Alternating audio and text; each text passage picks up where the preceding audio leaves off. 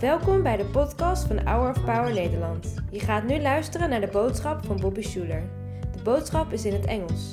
Liever met Nederlandse ondertiteling erbij? Bekijk dan de uitzending op hourofpower.nl of op ons YouTube kanaal.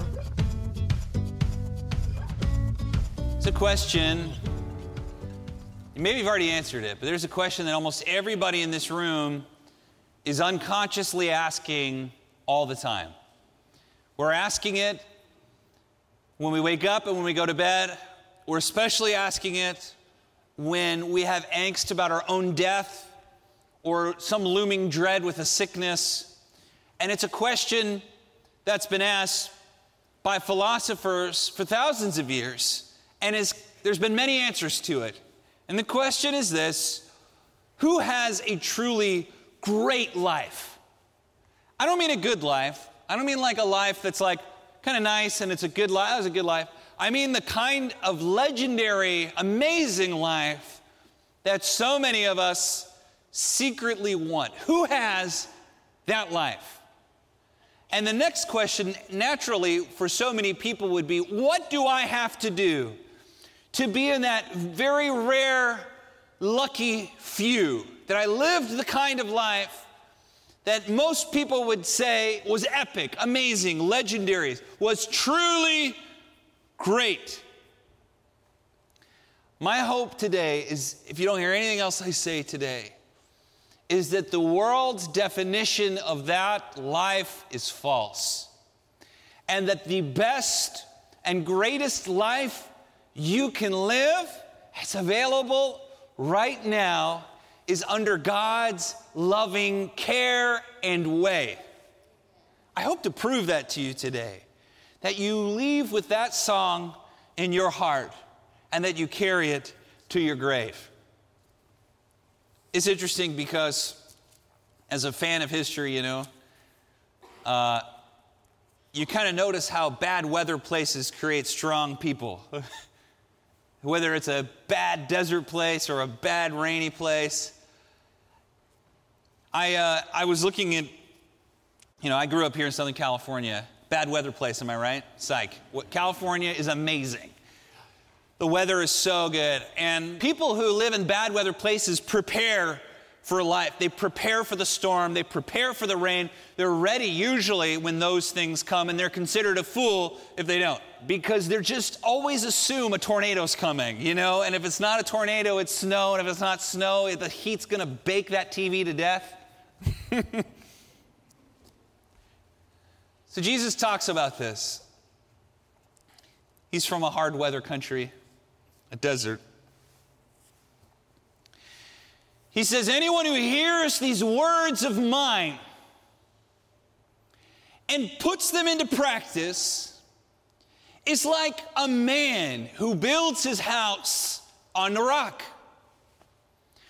The rains came down, the streams rose, and the wind blew against that house, but it stood because it had its foundation on a rock.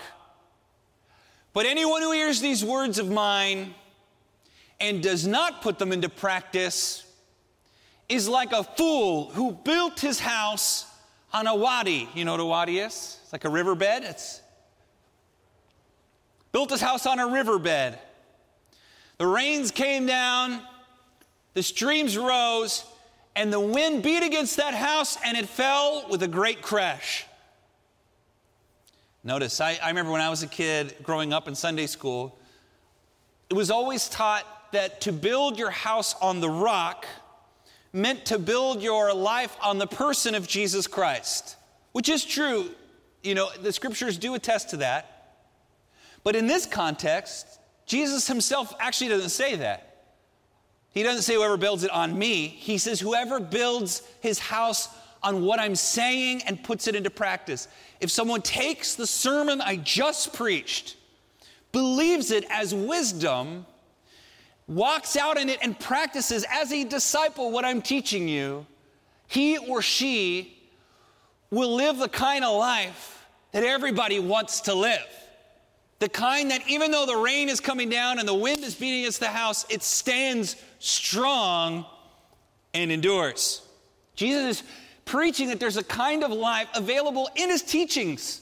Not, not just in his spirit, and we need his spirit, but in his teachings, that we take it seriously, that the, the way to have an epic, amazing, joyful, a life that oozes with happiness and, and, and even glory, that the way to live that kind of life is to take his words seriously, to live daily under the care, comfort, and way of God. The unhurried rhythms of grace, to have a completely new heart, a heart that forgives because it truly wants to forgive, a heart that lets go of bitterness, a heart that lives honestly with no lies, a heart that's not insatiable, always lusting and wanting more, but one that's at peace with God's will, one that lets go of judging his or her neighbor and lets go of gossip and competition and anger and wrath. One that helps others, not just for show, but believes in helping. One that prays and fasts because, not so that people see them praying and fasting, but because they believe that God will respond to the prayer of a child. One that believes with faith that my faith can move mountains. Someone who takes Christ's words and lives by them is a happy person. That is a person destined to live a great life. No one else. That's the life. That's it. And guess what? It's available to everybody. If you, you know what else is true is that when that other, those other people who build their house on the wadi, when it rains and the rains come down and it falls, they can look to a rock and see a house standing upon it and know there's a place to run. Isn't that good too? To know that when you endure your storm, because you're rooted in the life of Christ and his teachings, you'll have a comforting place. People will know there's a better way. You can encourage someone in that way today. The world's answer to this question, the default answer, is almost always a great life belongs to a lucky few. Great life belongs to those who are talented enough, rich enough, good enough, lucky enough, married to the right parents enough to make it to that thing that everybody wants. There's someone I talk about a lot who fits into that extremistan model because he's had such an impact on our lives today and on the Bible, even though he's not a character in the Bible, he's, he's around it. And that is the greatest celebrity of the ancient world. I talk about him all the time. Alexander the Great, mentored by Aristotle, inherited his dad's army, which at the time would have been the largest army and most sophisticated army in the world, or at least in, the, in that part of the world, and took over the world. I mean, but he died at 32. He died at 32 weeping. Is that a great life? It's not. Jesus teaches us that the greatest, happiest, richest life is available now in the unhurried rhythms of life in His kingdom. It's the kind of life that walks on water, it's the kind of life that's not available to anyone unless they let go of that and hold fast to this the Spirit of God and His Word. Unhurried life of God in me now. It's right available to you right now. That's who has a great life. You know who has a great life? You do. It's right there. Right there. It's right. You're looking for something you already have.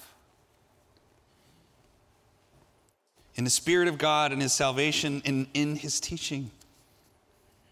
So that's the that's it. That's what we want. You know, I think that there's a I, be, I believe that if you have a good enough why, you can do just about anything.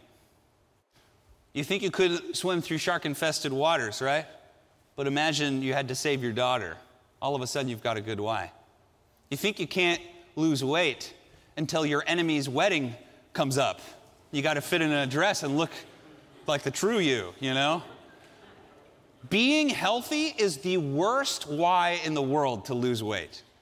We are, who doesn't think, you know, who wouldn't want to be healthier? But uh, most of us are healthy enough. I know I am. That's why I double stuff Oreos. Right? So it's being healthy is a bad why. Looking good at your enemy's wedding, looking good at your high school reunion, that's a good why. Those are the kind of whys that motivate us. Nobody, you know, thinking, wouldn't it be cool to stand in one place for 24 hours? That's a bad why. But hey, if you stand in one place for 24 hours, I'll give you a million bucks. That's a good why. And I think so many of us as believers were given a bad why. Why should I follow Christ? Uh, why should I? Why should I do what Jesus teaches in terms of living towards my neighbor? And the why for most people is so that I can be a respectable Christian. Or the why is so that I'm not a bad person or a hypocrite. Or I don't, so that I'm not ostracized or pushed out. I'll do about what everybody else does. I don't want to be a bad person. That's the, that's the spiritual equivalent of it's good for you. it's not a good why. And it's not even a why. That's not even a reason. The reason we should live this way is because it's the most epic, amazing, joyful life we can live. It is the word, this word makarios, one of the worst translated Greek words in the Bible. It's, we always see it through a Catholic lens blessed. Anytime you see the word blessed, most, uh, most of us misunderstand it. When we hear blessed, blessed, we even add the extra syllable just to make it sound more blessed. You know, it's blessed. We'd say, ble- it's like blessed. Like that's your that's your why. In the Bible, this word blessed, makarios, it means the closest word we have in English, and it doesn't even cover it, is happy. But happy is not even a good word. It just means oozing with happiness. Super happy. Like you are so fulfilled, enriched, brought to life, happy, full of joy, oozing with joy. That's Makarios. Do you hear that when you hear blessed? When Jesus is washing the feet of, his disciples. If, you, if you've grown up in church, you've heard the story a million times. Right before he's crucified, Jesus takes off his garment, which is, you know, a nice garment, and he puts on a towel and he dresses like a slave, and he goes around and washes the feet of these young people, and they would have had, you know, animal dung and dirt and stuff on their feet, getting into their nails and stuff and cleaning it all out. It's very getting between the toes with his hands. You see? It's gross. He's doing this and he washes their feet and they're embarrassed because they have so much respect for it and he cleans it and then he says, No servant is greater than his master, no student is greater than his rabbi. I have done this for you, do this for each other, okay? If he had left it there, then the why would have been you're supposed, you know, it's, it's good for you. This is a good thing. You should do it. You should do it. But that's not what he says. In John 13, 17, right after he says it, so he says, he says, so serving each other and loving each other and serving the people that follow you, he says, now that you know these things, you will be Makarios. You will be blessed if you do them. Not blessed. That's not what he means. He means if you do what I just did here, if you wash people's feet in the spirit that I did it, with the heart that I did it, you will be oozing with joy and life is how he begins the Sermon on the Mount. When he says, Blessed are the poor in spirit, he's saying, Blessed are you if you're sick. Blessed are you if you just got fired. Blessed are you if you just lost a limb. Blessed are you if you just lost someone you love. Blessed are you if everything in your life is falling apart. Blessed are you if you just lost your business because someone betrayed you. Blessed are you if you're being sued and you're losing because you can't afford good attorneys. Blessed are you if you hate your job. Blessed are you if your marriage isn't going well. Blessed are you if you're broken up with your children or your parents. Blessed are you if everything in your life is going wrong. Why? Because what I'm about to teach you and show you is that you can be the most joyful, happy, life fulfilled, oozing with joy kind of person, a house that's built on a rock kind of person. If you just do this, if you just do with us, if you just do what I'm telling you to do today, all of those things will melt away and you will find victory in me by just living in my kingdom, by just living in my kingdom, by just living in God's loving care and way. That's who has a great life. It's available to all of us right now. We already have it, it's right here. It's available to all of us, right here, right here. We still look to Alexander, but it's right here. We're like people in a desert carrying a canteen of ice cold lemonade, looking at a mirage, saying, maybe there's lemonade over there. But this is the promise, and I can tell you, I've lived it. This is what's available now. Living in the unhurried life of God now. It's available. It's available. So, who's happy? Who's got a good life? Anyone who believes and trust that they're in the kingdom right now. Anyone who lives under God's loving care and way. That's who, that who, that's who has a great life. You'll see. You'll see. It's not, see, this is why so many young people don't, don't want to be believers, is because the gospel, the false gospel they're told, is it's just forgiveness of sins. Like, and it is that, but it's like forgiveness, forgiveness of sins, here's your ticket to heaven. Hold on to this tightly while life stinks and you're unhappy and stressed out and just trying to make your way, and then, you know, then you'll get to heaven, you know? And, and there's this risk that you know, by, by turning my back on a lot of these alluring things that the church calls sinful, I'm hoping that this ticket, you know, that there is a heaven, first of all, and that I actually get there, right? But that's, that's, not, the, that's not the gospel. That's taking a part of the gospel. The gospel is coming to heaven now, right now. And you can test it, you can try it. You can just, you can literally try this today even if you're not even sure you believe, you can try these things and you'll begin to see the kingdom of heavens boiling up within inside of you if you live with this right kind of heart today. And you don't have to worry about it. It's not, it's not choosing a bad life now for a good life later. It's choosing a good life now that is so awesome it goes on after I die. You see, when we die, we don't go to heaven. When we die, we're already in heaven. Does that make sense? because we're in it now. Okay, so, so, so today, really today, not because you should or because you ought to be a good person or it's the right thing to do, but if you really want to live a great life, turn your heart into God's heart. Turn your heart into the kind of heart that walks every moment in the unhurried rhythms of grace. Just refuse to, to live from a place of pride, worry, and hurry. Have a heart that forgives and that wants to forgive. Have the kind of heart that lives honestly and doesn't deceive or trick or fool or put up a front. Live with the kind of heart that's not always more, always insatiable, always needing more in my life. Live the kind of heart that doesn't need to judge. It lets go of judging. It lets God be the judge. A kind of heart that helps and is, is interruptible and is available to people who are hurting, who are considered outsiders. And it doesn't do it so that peop- other people will see or that I get thanks, but just because I've learned to see people the way God does as his, his treasures that are loved by Him that I recognize that living by the golden rule, like what would I want if I was that person? What would I need if I was in that position? What would the golden rule be for me? To love that person in the way that they need to be loved right now, and to be so unhurried and, and unprideful that I can be interrupted by this person now and love them. And to pray and to fast and to believe that God will answer my prayer and that what he, prom- what he promises in His Word is true and to believe with faith that any person can do anything if it's God's plan.